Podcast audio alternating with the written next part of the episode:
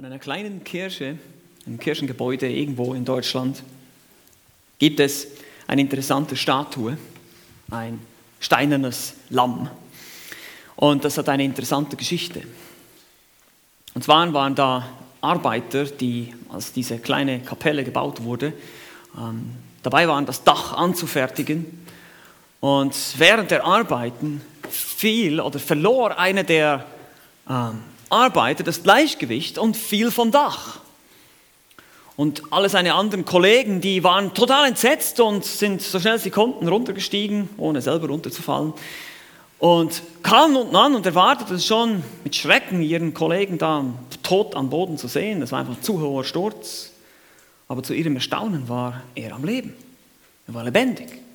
Und er war nicht mal richtig fest verletzt, weil er auf ein Lamm, ein Schaf gefallen ist, das da an dieser Stelle graste zu dem Zeitpunkt. Und so hat er diesen Sturz überlebt. Und zum Dank hat dann dieser Arbeiter ein steinernes Lamm, ein steinernes Schaf sozusagen gemacht, das dann irgendwo am Gebäude zu sehen ist, als Andenken, als Erinnerung. Nun, diese Geschichte illustriert für uns einmal mehr den Zweck des Mahles des Herrn. Sie illustriert für uns oder auch das Abendmahl, wie wir es einige nennen, warum wir dieses, ich nenne es auch ein Ritual, das uns vorgeschrieben ist, es gibt nicht viele, die Taufe und das Mahl des Herrn, dass wir das halten, dass wir das tun, dass wir regelmäßig die Elemente Brot und Frucht des Weinstocks oder Traubensaft oder Wein, wie auch immer, einnehmen. Und es erinnert uns daran, dass Christus, das Lamm Gottes, zermalmt wurde an unserer Stelle so dass wir leben können. So ist diese Geschichte von diesem Bauarbeiter eine wunderbare Illustration. Er wurde ans Kreuz genagelt wegen unserer Sünde, so konnte er für unsere Schuld bezahlen und wir dürfen nun, wenn wir an ihn glauben, durch Glauben allein auf dieses Werk, durch einiges Vertrauen auf das, was Christus getan hat, ewiges Leben haben und zwar sofort müssen nicht zuerst eben irgendwelche Werke verrichten, wir müssen nicht irgendwie erstmal ein guter Mensch werden, bevor wir zu Gott kommen können. Nein, Christus allein rettet uns durch sein Werk und durch den Glauben, durch das Vertrauen, das wir an ihn haben. Und so ist es auch mit dem Mahl des Herrn. Wenn wir Brot und Wein zu uns nehmen, ist das nur ein Denkmal. Das ist wie das Denkmal, wie diese Statue von diesem steinernen Lamm, das den Arbeiter daran erinnerte, was geschehen ist.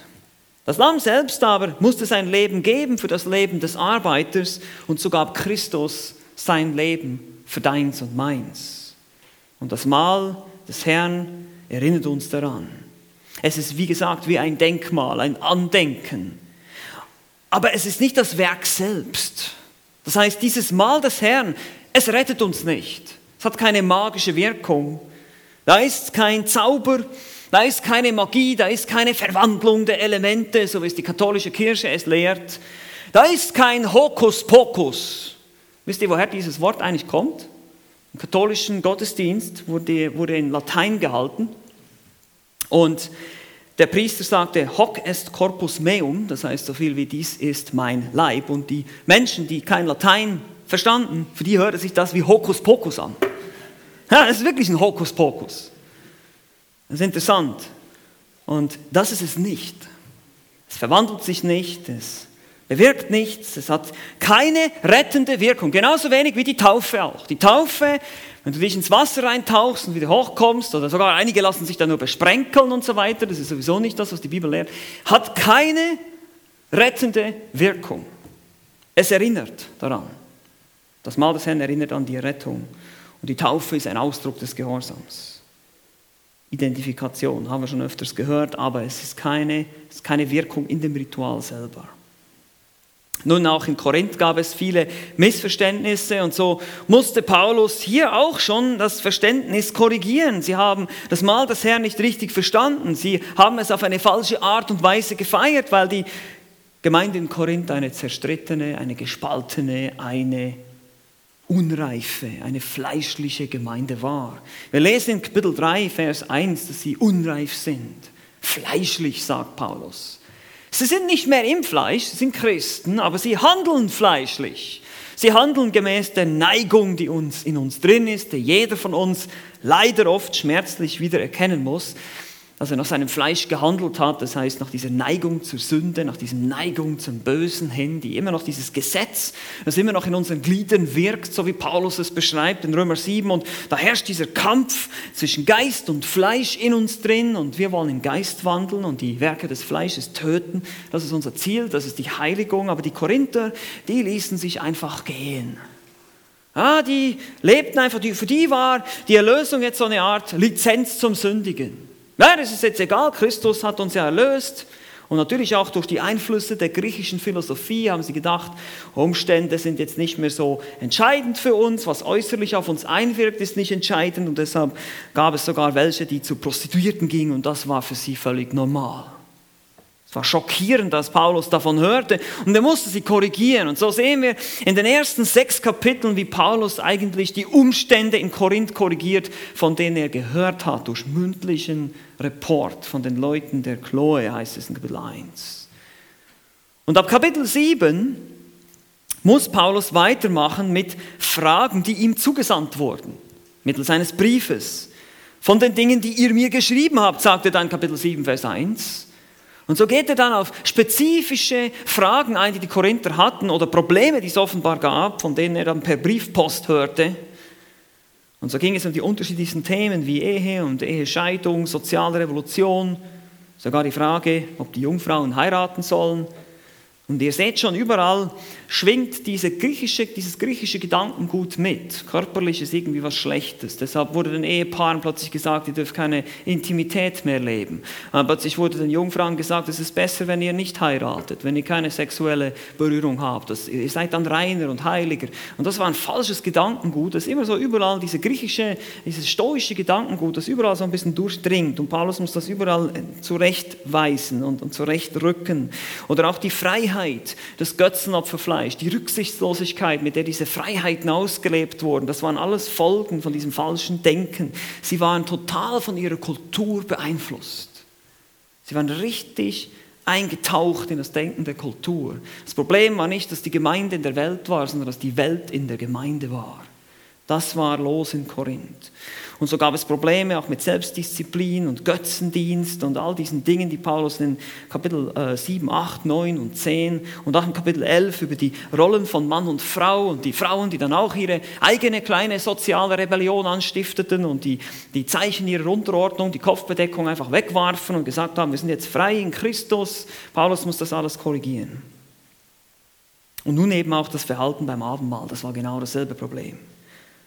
Wir haben letztes Mal begonnen, diesen Text auszulegen. Wir wollen das jetzt heute zu Ende bringen. Wir haben letztes Mal zwei der Voraussetzungen, der geistlichen Voraussetzungen für eine Gott wohlgefällige Mahlsfeier gesehen. Wir werden heute weitere zwei anschauen. Aber ich lese euch den Text nochmal vor zur Erinnerung. In 1. Korinther Kapitel 11 dürft ihr aufschlagen, wenn ihr nicht schon da seid. 1. Korinther 11 äh, lesen wir die Verse 17 bis 34. Indem ich aber dieses vorschreibe, lobe ich nicht, weil er nicht zum Besseren, sondern zum Schlechteren zusammenkommt. Denn zuerst einmal, wenn ihr als Versammlung zusammenkommt, höre ich, es seien Spaltungen unter euch. Und zum Teil glaube ich es. es müssen auch Parteiungen unter euch sein, damit die Bewährten unter euch offenbar werden. Wenn ihr nun an einem Ort zusammenkommt, so ist das nicht des Herrn Mahl zu essen, denn jeder nimmt beim Essen sein eigenes Mahl vorweg und der eine ist hungrig und der andere ist betrunken. Habt ihr denn nicht Häuser, um zu essen und zu trinken? Oder verachtet ihr die Versammlung Gottes und beschämt die, die nichts haben? Was soll ich euch sagen? Soll ich euch loben? Hierin lobe ich nicht. Denn ich habe von dem Herrn empfangen, was ich auch euch überliefert habe, dass der Herr Jesus in der Nacht, in der er überliefert wurde, Brot nahm und dass er gedankt hatte, es brach und sprach, dies ist mein Leib, der für euch ist, dies tut zu meinem Gedächtnis. Ebenso auch den Kelch nach dem Mahl und sprach, dieser Kelch ist der neue Bund in meinem Blut, dies tut so oft ihr trinkt zu meinem Gedächtnis. Denn so oft ihr dieses Brot esst und den Kelch trinkt, verkündigt ihr den Tod des Herrn, bis er kommt. Wer also irgend das Brot isst oder den Kelch des Herrn trinkt in unwürdiger Weise, wird des Leibes und des Blutes des Herrn schuldig sein. Jeder aber prüfe sich selbst. Und so esse er von dem Brot und trinke von dem Kelch. Denn wer unwürdig ist und trinkt, isst und trinkt sich selbst Gericht, wenn er den Leib nicht unterscheidet. Und deshalb sind viele unter euch schwach und krank und ein Gutteil sind entschlafen. Wenn wir aber selbst uns beurteilen, so würden wir nicht gerichtet. Wenn wir aber gerichtet werden, so werden wir vom Herrn gezüchtigt, damit wir nicht mit der Welt verurteilt werden. Daher, meine Brüder, wenn ihr zusammenkommt, um zu essen, so wartet aufeinander. Wenn jemand hungrig ist, so esse er daheim, damit, nicht, äh, damit ihr nicht zum Gericht zusammenkommt. Das Übrige will ich anordnen, sobald ich komme. Bis hierhin. Und ihr seht schon, Paulus ist hier immer noch dran zu korrigieren, zurechtzurücken, falsches Verständnis zurechtzuweisen. Und wir haben letztes Mal damit begonnen, uns auch äh, zu vergegenwärtigen, dass wir von unserem Kirchenballast ein bisschen loskommen müssen. Ja, dass, so wie wir das Mal des Herrn feiern, äh, das kommt so ein bisschen aus der Kirche, aus der traditionellen Kirche, dass man die Elemente so zu sich nimmt und dass das dann so ein Ritual ist. Damals hat man das ganz anders gemacht. Wir haben das letztes Mal gesehen, in der damaligen Kultur gab es Liebesfeste, auch Agape genannt. Das waren richtige Mahlzeiten, ein echtes Abendessen. Und das, das Mahl des Herrn, also das Ritual in dem Sinne, wurde in dieses Liebesfest hinein integriert. So wie das auch bei den Passa der Juden eigentlich der Fall war, dass auch eine ganze Mahlzeit beinhaltete, auch mehrere Kelche, die rumgegeben wurden. Und der dritte Kelch war dann der Kelch, den Jesus dann diese neue Bedeutung gab. Und Paulus verurteilt nicht die Form hier, aber die Art und Weise, wie es gefeiert wurde. Also es gibt uns auch einen Hinweis, dass gewisse Freiheit besteht, wie wir das genau machen. Das Neue Testament gibt uns auch nicht genaue Anweisungen, wie wir das jetzt machen sollen, welche Becher wir verwenden sollen und was weiß ich nicht alles, sondern es ist einfach nur, tut es einfach, tut es zur Erinnerung. Aber die Korinther taten das mehr im Stil einer Party für die Reichen, wo die einen dann ihre privilegierten, reichen Freunde eingeladen haben und sie gesagt haben, komm, du kommst mit mir hier in mein schönes äh, Abendessenzimmer, mein, mein Triklinium, wie es genannt wurde, mit den schönen Sofas, du kannst hier bei mir sein und ja, die Sklaven, die kommen dann später, die bleiben dann draußen im Vorhof. Und so wurde, der eine war dann betrunken schon, als der andere ankam und der, der eine aß dann sein großes Essen mit seinen Kollegen hinweg und die anderen, für die blieb dann nichts mehr übrig. Es wurde einfach total missbraucht. Und Jesus hat natürlich was ganz anderes damit bezweckt, als er dieses Mal eingesetzt hat. Es war, ihr wisst, das Mahl des Herrn kommt ursprünglich vom Passafest, von den Juden, das an den Auszug aus Ägypten erinnerte, als der Todesengel an den Türpfosten vorbeiging, das Gericht an denen vorbeiging, die das Blut an den Türpfosten haben. Das ist ein Hinweis darauf, eben, dass das Gericht jetzt bei uns eben auch vorbeigeht, wenn wir Christus kennen, weil sein Blut für uns bezahlt hat aber es gab Missbrauch und sie haben völlig die Bedeutung verfehlt. Es war überhaupt nicht mehr, die, die Herzenseinstellung war überhaupt nicht da. Sie haben einfach irgendwie ein Fest gefeiert und gesagt, das ist jetzt das Mahl des Herrn, aber sich überhaupt nicht groß wirklich Gedanken gemacht. Offenbar, so wie Paulus hier spricht und korrigiert. Und zu Recht sagt Paulus deshalb in Vers 17, hier kommt nicht zum Besseren, sondern zum Schlechteren zusammen. Es bringt nichts, wenn ihr euch so versammelt, da könnt ihr es auch lassen. Wenn es in der Art und Weise feiert, könnte es auch gleich sein lassen. Und so haben wir gesehen, dass dieser Text uns eigentlich Elemente und Prinzipien gibt, die in Korinth gefehlt haben. Paulus muss sie daran erinnern, hey, das wäre eigentlich der Sinn und Zweck. Und so sollte es sein. Und mit einer solchen Einstellung solltet ihr das Mal des Herrn feiern. Und wir haben gesehen, wir können vier geistliche Voraussetzungen gewinnen von diesem Text für eine wohl, Gott wohlgefällige Abendmahlsfeier. Weil das war in Korinth offenbar nicht der Fall. Diese vier Voraussetzungen waren nicht da. Die fehlten. Wir haben letztes Mal gesehen, dass erstens mal die Einheit fehlte. Es war keine Einheit da. Es gab Spaltungen und Parteiungen und eben nicht nur aufgrund des Personenkults, das haben wir schon gesehen in Kapitel 1. Der eine gesagt hat, ich bin ein Paulus-Fan und der andere, ich bin ein Apollos-Fan und, und so weiter.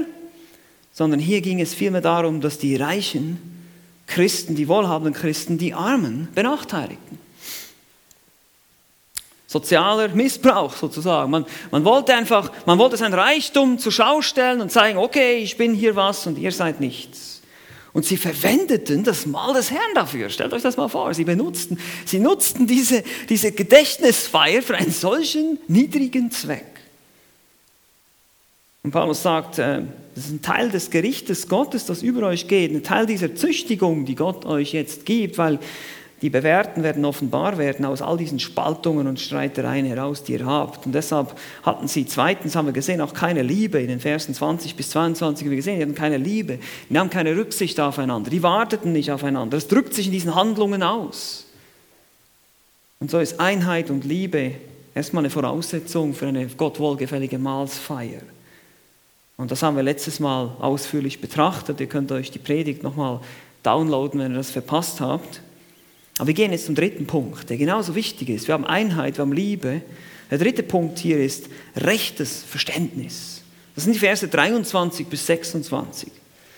Und das sind die berühmten Einsetzungsworte. Aber ich habe das absichtlich einmal mehr in diesem korrektiven Ton gelesen, einfach um euch versuchen, das Feeling zu geben dafür, für diesen Text. Weil wir lesen den oft so isoliert. Wenn wir das Mal des Herrn feiern, dann lesen wir diesen Text. Aber, aber Paulus ist hier mitten in einer Korrektur drin und er bringt diese Worte, um das Verständnis der Korinther zurechtzurücken, wieder in eine richtige Perspektive zu rücken. Denn ich habe von dem Herrn empfangen, sagt er hier.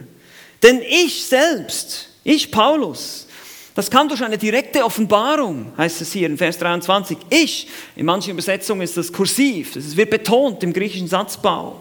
Es wird betont, ich selbst, ich selbst habe es direkt vom Herrn empfangen. Was er den Korinthern überliefert hat, dieses Wort Paradidomie, etwas weitergeben, geht zurück auch auf die Traditionen in Vers 2. Das sind Überlieferungen, das sind Lehren, die die Apostel den Gemeinden überliefert haben, die sie halten sollen. Paulus empfing diese Lehre direkt vom Herrn und gab sie an die Korinther weiter. Hier gibt es natürlich äh, viel Diskussion auch über die Echtheit dieser Worte, könnt ihr euch vorstellen, weil der Text hier äh, teilweise ein bisschen abweicht von den ähm, Berichten in den Evangelien. Die, Wort, äh, die Wortwahl ist ein bisschen anders. Zum Beispiel die Evangelisten erwähnen zu meinem Gedächtnis nicht. Die sagen, nehmt, esst. Deshalb habt ihr in euren Schlachterübersetzungen teilweise Textvarianten drin. Dieses nehmt, esst ist zum Beispiel nicht Teil des Originaltextes. Und da gibt es natürlich die liberalen Theologen, die sagen, ah, siehst du, das sind unterschiedliche Traditionen hier. Und das eine ist die Paulus-Tradition, das andere ist die Markus-Tradition, die dann noch ein bisschen äh, wie sagt man, modifiziert wurde von Matthäus. Das ist alles Quatsch. Weil die, die Evangelisten, die machen ihren Punkt thematisch und Paulus macht hier seinen Punkt. Und sein Punkt ist offenbar das Gedächtnis. Und deshalb hat er das reingebracht. Jesus hat wahrscheinlich noch viel mehr gesagt an dem Abend und die Evangelisten berichten einfach das, was ihnen wichtig war und Paulus berichtet hier das, was ihm wichtig war. Das sind alles Zusammenfassungen eigentlich für uns. Und deshalb sind diese Abweichungen überhaupt nicht tragisch. Im Wesentlichen steht genau dasselbe da. Im Wesentlichen. Aber wir sehen hier, Paulus ist eben in dieser Diskussion mit den Korinthern und deshalb betont er gewisse andere Inhalte ein bisschen mehr. So kommen die Abweichungen zustande. Der Inhalt ist für Paulus sehr entscheidend. Er betont dabei die Elemente und die schlechte Einstellung der Korinther, die korrigiert werden muss. Ihr gedenkt nicht in der richtigen Art und Weise an dieses Mahl, sondern ihr veranstaltet eine Party hier für die Reichen, damit sie sich selber darstellen können. Das ist nicht richtig. Was tat Jesus? Was, schaut zurück, was Jesus, was ich euch überliefert habe. Paulus hat ihn das offenbar schon gelehrt, als er in Korinth war. In Vers 24. Er nahm Brot und dankte und sprach, dies ist mein Leib, der für euch ist. Eben nicht nehmt es, das ist hier nicht drin, das ist eine Textvariante. Auch das Wort gebrochen ist hier nicht drin. Das ist auch eine Textvariante, die ist später entstanden durch irgendwelche Traditionen. Es ist ganz simpel, dies ist mein Leib, der für euch ist. Und Jesus sagt, für euch. Das ist sehr entscheidend hier. Jesus sagt, das ist für euch. Mein ganzes menschliches Leben, mein Leib, ich gebe es für euch. Christus gab alles hin für euch. Weil die Korinther taten genau das Gegenteil von dem. Alles für mich, ich will alles haben. Und Christus sagt, nein, ich habe alles hingegeben. Sie lebten nur für sich selbst und Paulus gibt ihnen hier eine Korrektur und zeigt ihnen, denkt mal richtig darüber nach, was ihr da feiert und wie das, was, wie die Art und Weise, wie ihr das feiert, überhaupt nicht dazu passt. Der Zweck ist nicht eine coole Privatparty für die Reichen zu haben und die Ärmeren zu beschämen und zu benachteiligen, sondern es geht darum, darüber nachzudenken, was Christus für uns getan hat. Und deshalb heißt es am Ende von Vers 24, Dies tut zu meinem Gedächtnis, Anamnesis, Erinnerung, Gedenken an etwas. Erinnert euch an das, an das steinerne Lamm, ja, das Andenken, das Mahnmal sozusagen, das mich daran erinnert, stimmt, dieses Lamm hat für mich sein Leben gegeben. Da ist keine Mystik, da ist keine Magie, da ist keine Verwandlung. Wie gesagt, das ist eine Erinnerung. Und wir müssen auch verstehen, dass Jesus, als er diese Worte sprach, im Originalkontext zu den Jüngern gesprochen hat, im Zusammenhang des Passamales. Und es ist interessant, das Passamal selber ist auch eine große, eine einzige große Repräsentation. Also wenn Jesus hier sagt, dies ist mein Leib, dann meint er damit, dies repräsentiert meinen Leib. Okay? Das ist nicht, dass er sagt, dies ist jetzt mein Leib, dieses Stück Brot. Das ist einfach Blödsinn, das ist nur, weil wir das also aus unserer Kultur nicht verstehen, wie die Juden das damals verstanden haben. Aber was Jesus das zu den Jüngern sagte, weil bei Mose, im 2. Mose 12, 14, heißt es auch, dass Gott sagte zu Mose und Aaron, es ist ein Tag des Gedenkens. Und der Jude sollte sich sozusagen, jedes Mal, wenn er das Passamal zu sich nahm, sollte er sich so sehen, als wäre er Teil dieses Exodus in dem Moment. Das würde er jetzt, wäre jetzt diese Nacht, wo wir bald auswandern werden. Und es wurden Teile aus der Mose-Geschichte zitiert, aber auf sich bezogen in der Ich-Form, während sie das Passa feierten. Das kann man in verschiedenen traditionellen Schriften der Juden nachlesen. Und das ist genau der Kontext, in dem Jesus diese Worte spricht. Dies ist mein Leib. Dies repräsentiert. Dies soll euch erinnern an diesen Leib, was ich getan habe. Dasselbe für den Kelch. Vers 25. Ebenso auch den Kelch. Wiederum, habe schon gesagt, mehrere Kelche wurden rumgegeben während der Passafeier und der dritte und letzte war nach dem Mahl, das heißt es hier auch, ebenso auch den Kelch nach dem Mahl. Das ist der dritte und letzte nach dem Mahl, dem Jesus diese Bedeutung gegeben hat. Dies ist der neue Bund. Jesus setzte einen neuen Bund ein. Nicht wie der alte Bund, der unter Mose eingesetzt war der aus Geboten bestand, die keiner halten konnte, der aus vielen Hunderten, Tausenden von Opfern, Tieropfern bestand und Millionen Litern von Blut, die geflossen sind, die aber keine Sünde sühnen konnten, sondern jetzt kam der neue Bund in meinem Blut, sagt Jesus. Mose war ein Bund, der Gehorsam forderte als Bedingung und der wurde mehrfach, mehrfach gebrochen. Und jetzt kommt ein besserer Bund, ein Bund der Gnade, in dem Gott seinen Geist in uns gibt und uns in seinen Geboten wandeln lassen wird. Er wird es bewirken. Lasst uns dazu die Ausführungen des Schreibers des Hebräerbriefs kurz lesen. Wir gehen mal kurz ein bisschen weiter nach hinten in Hebräer Kapitel 9. Einfach, dass wir das verstehen, der neue Bund wird uns da beschrieben. Hebräer Kapitel 9 und wir lesen ab Vers 11 bis und mit 15. Hebräer 9, Vers 11 bis 15. Hier heißt es, Christus aber, gekommen als Hohepriester der zukünftigen Güter in Verbindung mit der größeren und vollkommeneren Hütte, Stiftshütte hier, die nicht mit Händen gemacht, das heißt nicht von dieser Schöpfung ist, auch nicht mit Blut von Böcken und Kälbern, sondern mit seinem eigenen Blut ist ein für allemal in das Heiligtum eingegangen, als er eine ewige Erlösung erfunden hatte. Seht ihr das?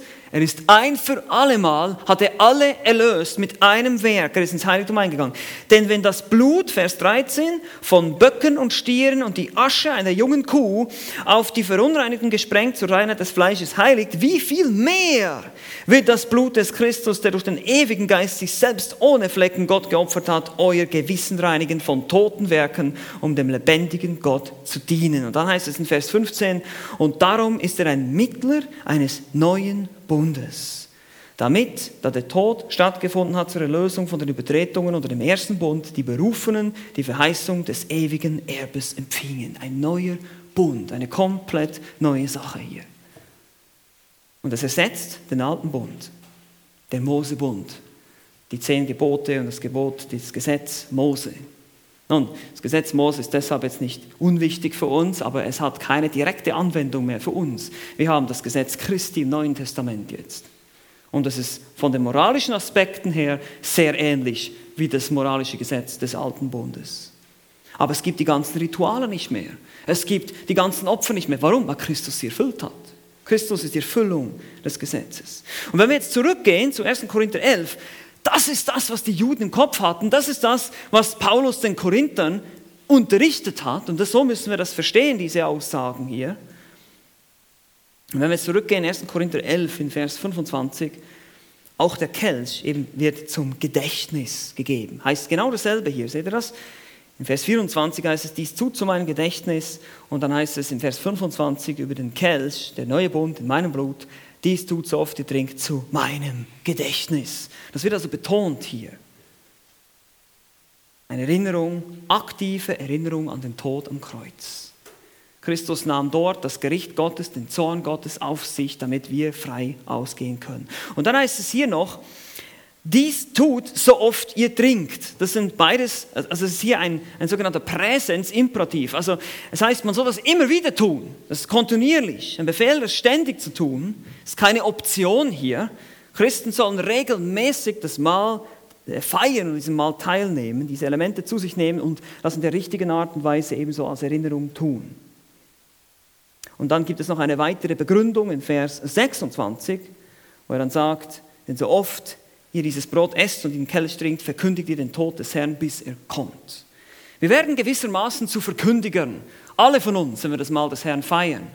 Einige Gelehrte haben auch gedacht, dass es während des Mahles eine Verkündigung gibt, aber die ganzen Aussagen hier im Text scheinen besser so verstanden zu werden, dass die, die, die Tat selber die Aussage ist. Das ist der, die Betonung liegt hier auf dem Essen und dem Trinken und dem Einnehmen der, der Elemente und die Art und Weise, wie es getan wird. Und deshalb ist das ein Ausdruck, es ist ein Zeugnis für den Tod Christi, den wir gedenken. Es hat eine Zeugniswirkung. Und deshalb bei den Korinthern war das alles andere als ein Liebesmahl, ein Gedenken an die Gnadentat und die Liebe und die Selbstaufopferung Jesu Christi. Es war eigentlich eine Beleidigung dieser ganzen, dieses ganzen Werkes.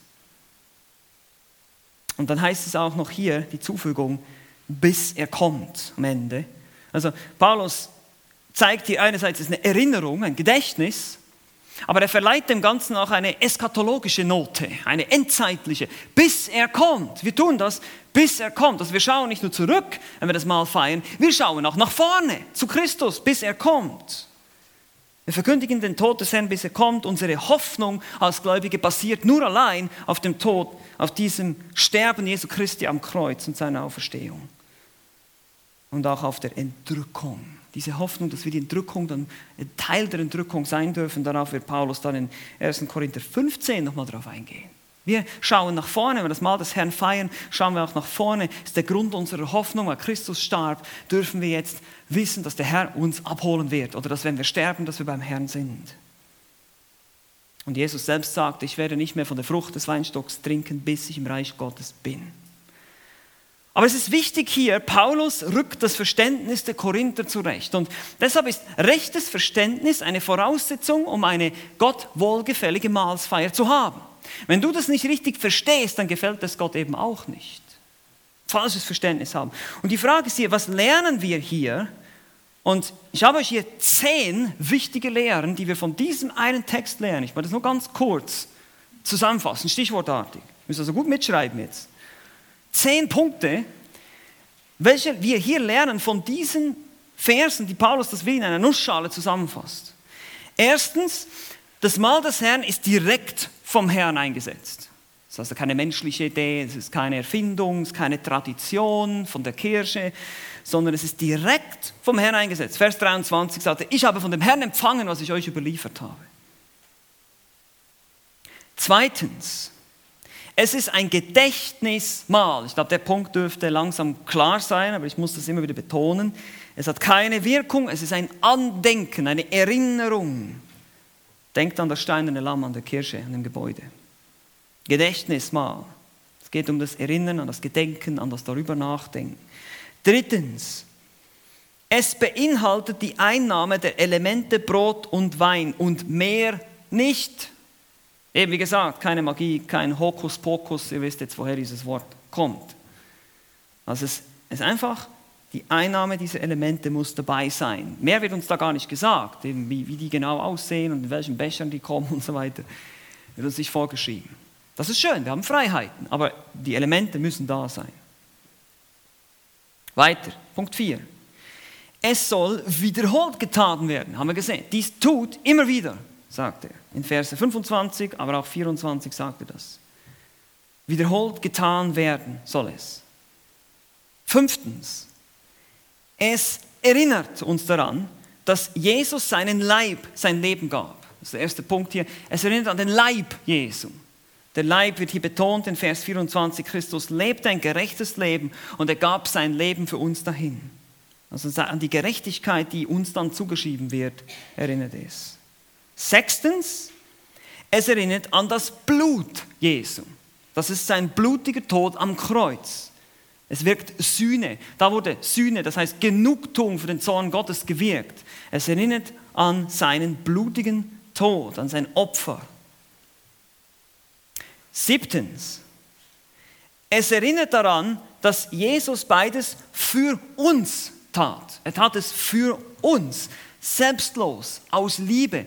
Paulus muss das deutlich machen, weil die Korinther eben so selbstsüchtig waren. Es ist für uns, selbstlos.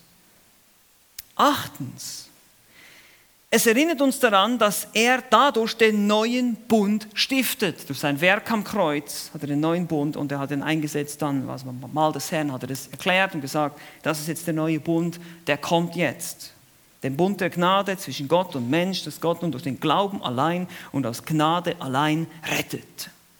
Das war zwar im Alten Testament auch schon so, aber das ist jetzt bewerkstelligt, das ist jetzt real geworden. Das ist jetzt erst richtig möglich, weil im Alten Testament wurde ihm sozusagen eine Vorauszahlung gegeben. Ja, wenn sie ihre Tiere geopfert haben, diese Tiere haben eigentlich keine Wirkung gehabt, diese Opfertiere, dieses Blut von Böcken und Kälbern konnte keine Sünden wirklich hinwegnehmen.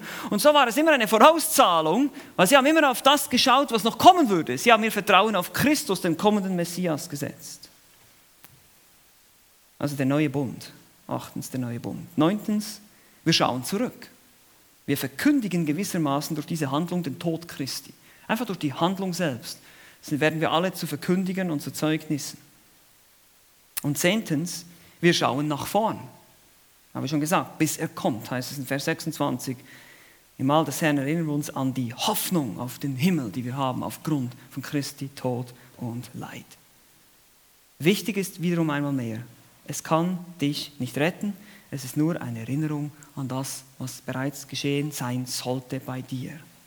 Und deshalb kommt Paulus hier auch zu einer Warnung dann in den Versen 27 bis 34. Und das ist unser vierter Punkt. Die vierte Voraussetzung für eine Gott wohlgefällige Maßfeier ist simpel und einfach Ehrfurcht. Es ist Ehrfurcht. Hier heißt es, wer also irgend das Brot isst oder den Kelch des Herrn trinkt in unwürdiger Weise. Lese es mal ganz durch hier. Wer also irgend das Brot isst oder den Kelch des Herrn trinkt in unwürdiger Weise, wird des Leibes und des Blutes des Herrn schuldig sein. Jeder aber prüfe sich selbst und so esse er von dem Brot und trinke von dem Kelch. Denn wer unwürdig isst und trinkt, isst und trinkt sich selbst Gericht, indem er den Leib nicht unterscheidet. Deshalb sind viele unter euch schwach und krank und ein Gutteil sind entschlafen. Wenn wir uns aber selbst beurteilten, so werden wir nicht gerichtet. Wenn wir aber gerichtet werden, so werden wir vom Herrn gezüchtigt, damit wir nicht mit der Welt verurteilt werden. Daher, meine Brüder, wenn ihr zusammenkommt, um zu essen, so wartet aufeinander. Wenn jemand hungrig ist, so esse er daheim, damit er nicht zum Gericht zusammenkommt. Das Übrige aber will ich anordnen, sobald ich komme. Und gesagt, das Problem war hier, Sie hatten keine Ehrfurcht vor dieser ganzen Geschichte. Sie hatten keine Ehrfurcht vor dem, was da geschieht, woran man eben denken sollte, was eigentlich der Sinn und Zweck dieses Males war. Und deshalb sagt Paulus in Vers 27, es wird unwürdig getan, unpassend, nicht ehrfürchtig, leichtsinnig. Wichtig ist hier, es ist ein Adverb. Es geht um die Art und Weise, wie etwas getan wird, nicht wie jemand ist. Okay, das ist ein wichtiger Unterschied hier. Es geht um die Art und Weise, wie etwas getan wird und nicht wie jemand ist. Das ist kein Adjektiv, kein Eigenschaftswort. Weil wir sind letztlich alle unwürdig, am Tisch des Herrn zu sein. Wir sind alle unwürdig, dieses Mahl zu nehmen. Aber es wird in einer unwürdigen Art und Weise getan. Würdig wirst du nie sein, du wirst nämlich nie perfekt sein, du würdest niemals genügen. Aber es geht ja gerade darum, dass wir uns eben daran erinnern, dass wir nicht genügen und dass Christus für uns gestorben ist und sterben musste, weil wir eben nicht heilig genug sind, weil wir nicht vollkommen genug sind, weil wir Gottes Gebote nicht halten. Und wenn du das so tust, in einer leichtsinnigen Art und Weise, dann ist man des Leibes und Blutes des Herrn schuldig. Mit anderen Worten, man sündigt einfach gegen diese Heiligkeit dieses wunderbaren Werkes, das Gott getan hat für dich und mich. Man kann es mit einer Person vergleichen, die die Flagge ihres Heimatlandes verbrennt und am Boden zerstampft. Ja, dieses Stück Stoff hat an und für sich eigentlich keine Bedeutung, aber weil es die Flagge ist des Heimatlandes, bringt er zum Ausdruck, weil er diese Flagge verachtet, bringt er damit die Verachtung des, über das Heimatland zum Ausdruck. Er verachtet sein eigenes Land, weil die Flagge steht für etwas. Und deshalb, wenn wir das Mal des Herrn in einer leichtsinnigen Art und Weise ohne Ehrfurcht einnehmen, verachten wir letztlich das ganze Werk. Das ist die Logik, die Paulus hier anwendet. Symbolisch. Es steht für diese Dinge. Und deshalb sollten sie sich selber prüfen, heißt es in Vers 28. Jeder prüfe sich selbst. Oder hier eigentlich der Mensch prüfe sich selbst, sagen einige Übersetzungen. Gemeint ist einfach, jeder Einzelne soll sich selber prüfen. Und ihr seht schon, deshalb gehen wir auch nicht rum und sagen, ah, du darfst und du darfst nicht teilnehmen. Nee, du, du musst dich selber prüfen. Du musst selber überlegen, bin ich wirklich würdig daran teilzunehmen? In dem Sinne eben nicht würdig dass du perfekt bist, sondern nehme ich es in einer würdigen Art und Weise ein. Ich prüfe mich selbst, ein Wort, das benutzt wird, um die Reinheit von Metallen, äh, also damals benutzt wird, um das zum Ausdruck zu bringen, wie die Reinheit von Metallen festgestellt wird. Und auch hier wieder ein Präsensimperativ, eine beständige Handlung. Wir sollen uns beständig prüfen. Was ist meine Einstellung? Was ist mein Motiv, dieses Mal einzunehmen? Und dann sagt, sagt Paulus schließlich in Vers 29, kommt die Warnung, wer ist? Gemeint ist hier, wer auf eine solchen unwürdigen Art und Weise ist. Unwürdig ist hier eigentlich eingefügt zum besseren Verständnis in manchen Übersetzungen. Im Originaltext steht eigentlich nur, denn wer isst und trinkt, isst und trinkt sich selbst Gericht.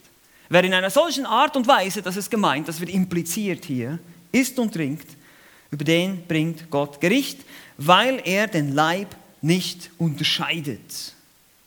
Der Leib des Herrn hier einmal mehr eine Anspielung, also des, des Herrn steht hier auch nicht, das ist auch eine Textvariante, steht eigentlich nur der Leib.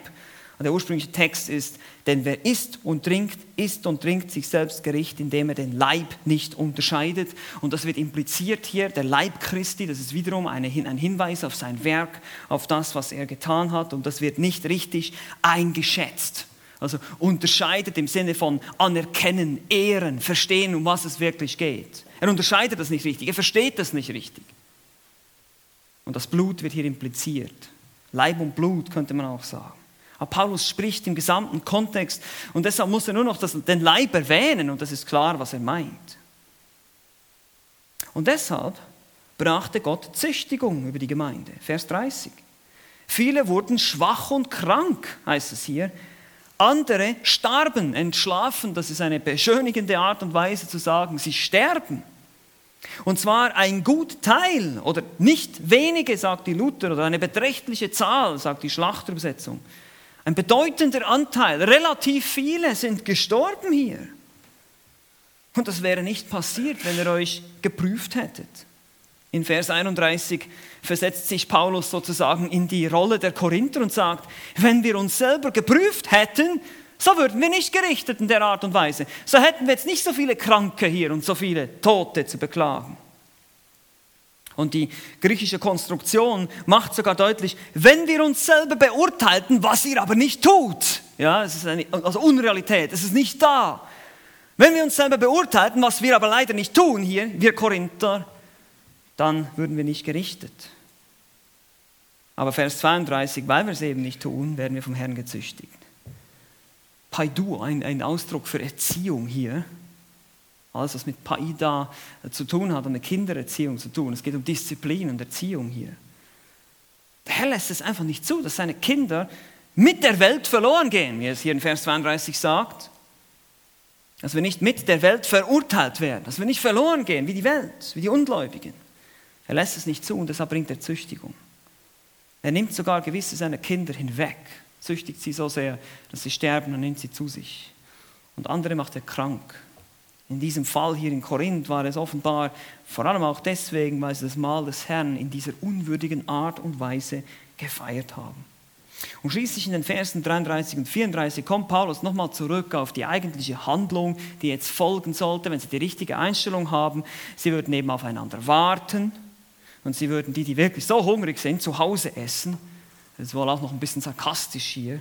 Esst doch zu Hause, echt. Also wenn ihr so einen Hunger habt, aber wenn ihr da hinkommt, wenn ihr zusammenkommt, das Mahl des Herrn zu feiern, dann tut es in einer Art und Weise, dass die Reichen und die Armen alle auf Augenhöhe zum Tisch des Herrn kommen und alle das Mahl des Herrn feiern können. Und es nämlich keinen Unterschied gibt zwischen den Reichen und den Armen in diesem Sinne, weil sie alle durch dieselbe Gnade gerettet werden. Und ihr dürft euren Reichtum genießen, zu Hause. Aber bitte plakatiert, stellt euch nicht selbst dar vor den Armen. Das ist nicht liebevoll. Das ist Missbrauch. Die reichen Christen durften ihre gewohnten pompösen Mahlzeiten schon einnehmen. Das war keine Sünde, das war kein Problem, aber er wollte nicht, dass sie damit die Armen beschämen würden. Es soll auch eine gewisse Ordnung herrschen hier. Ihr seht es auch, sie sollen aufeinander warten, sie sollen das ordentlich machen, sie sollen nicht so ein Chaos veranstalten. Wir werden dann gleich noch, wenn wir weitergehen, in Kapitel 12, 13 und 14 sehen, dasselbe geschah mit den Geistesgaben. Da war ein Chaos und jeder redete irgendwie in Sprachen und da war kein Übersetzer und das war ein Riesenzeug. Warum? Weil jeder sich selber darstellen wollte, wie cool er ist.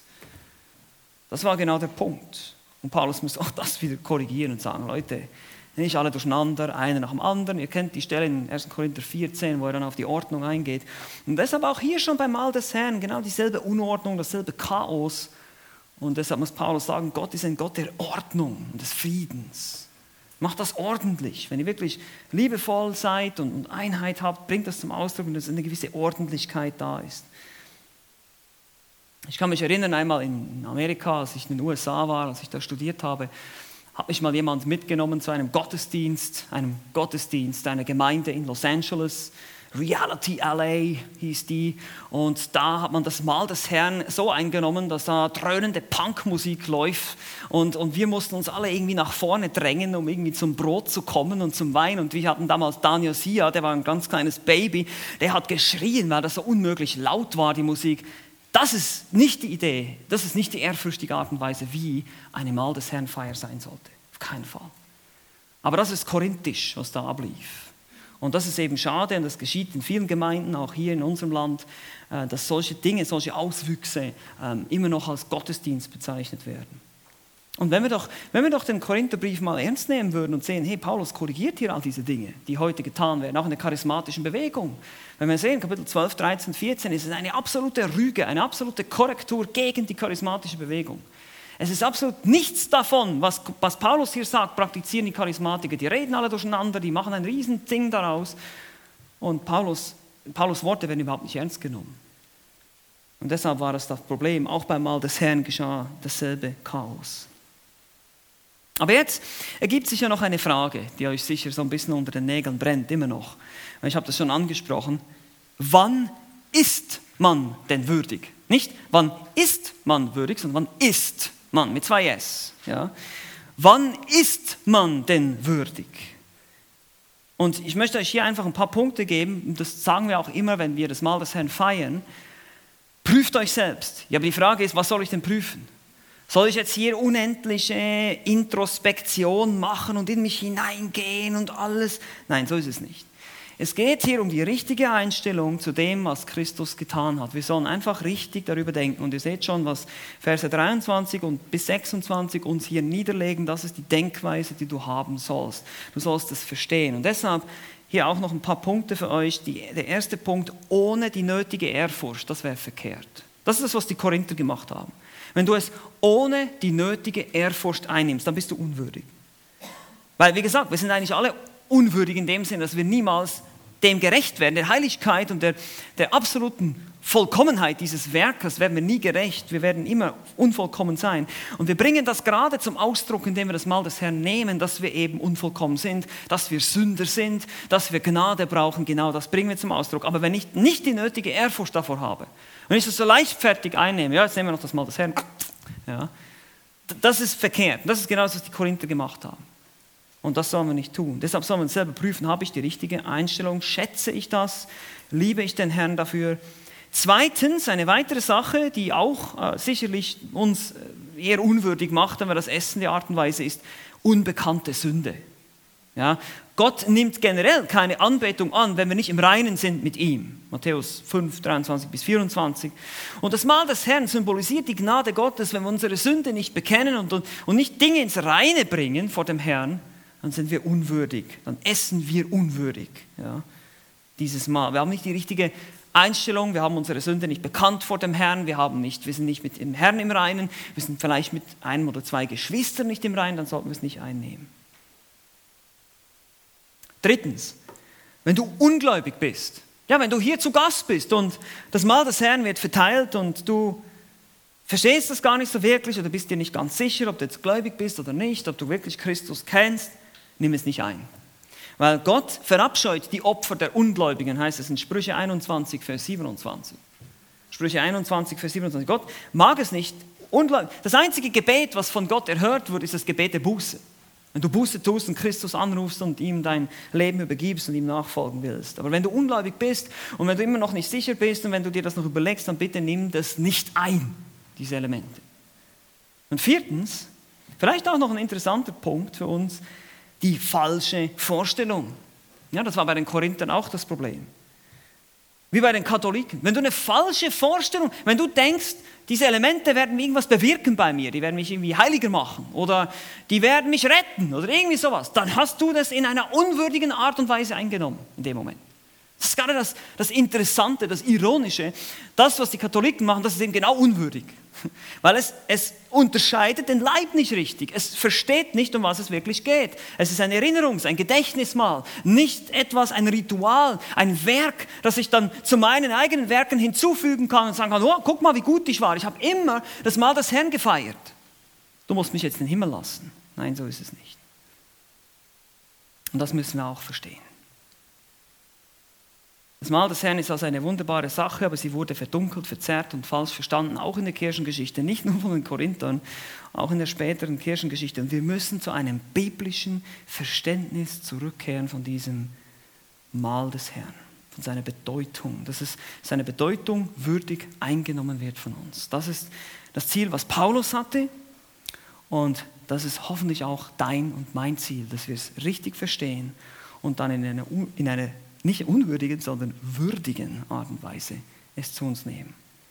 In Einheit, in Liebe, in rechtem Verständnis und in Ehrfurcht. Amen. Lass uns noch zusammen beten.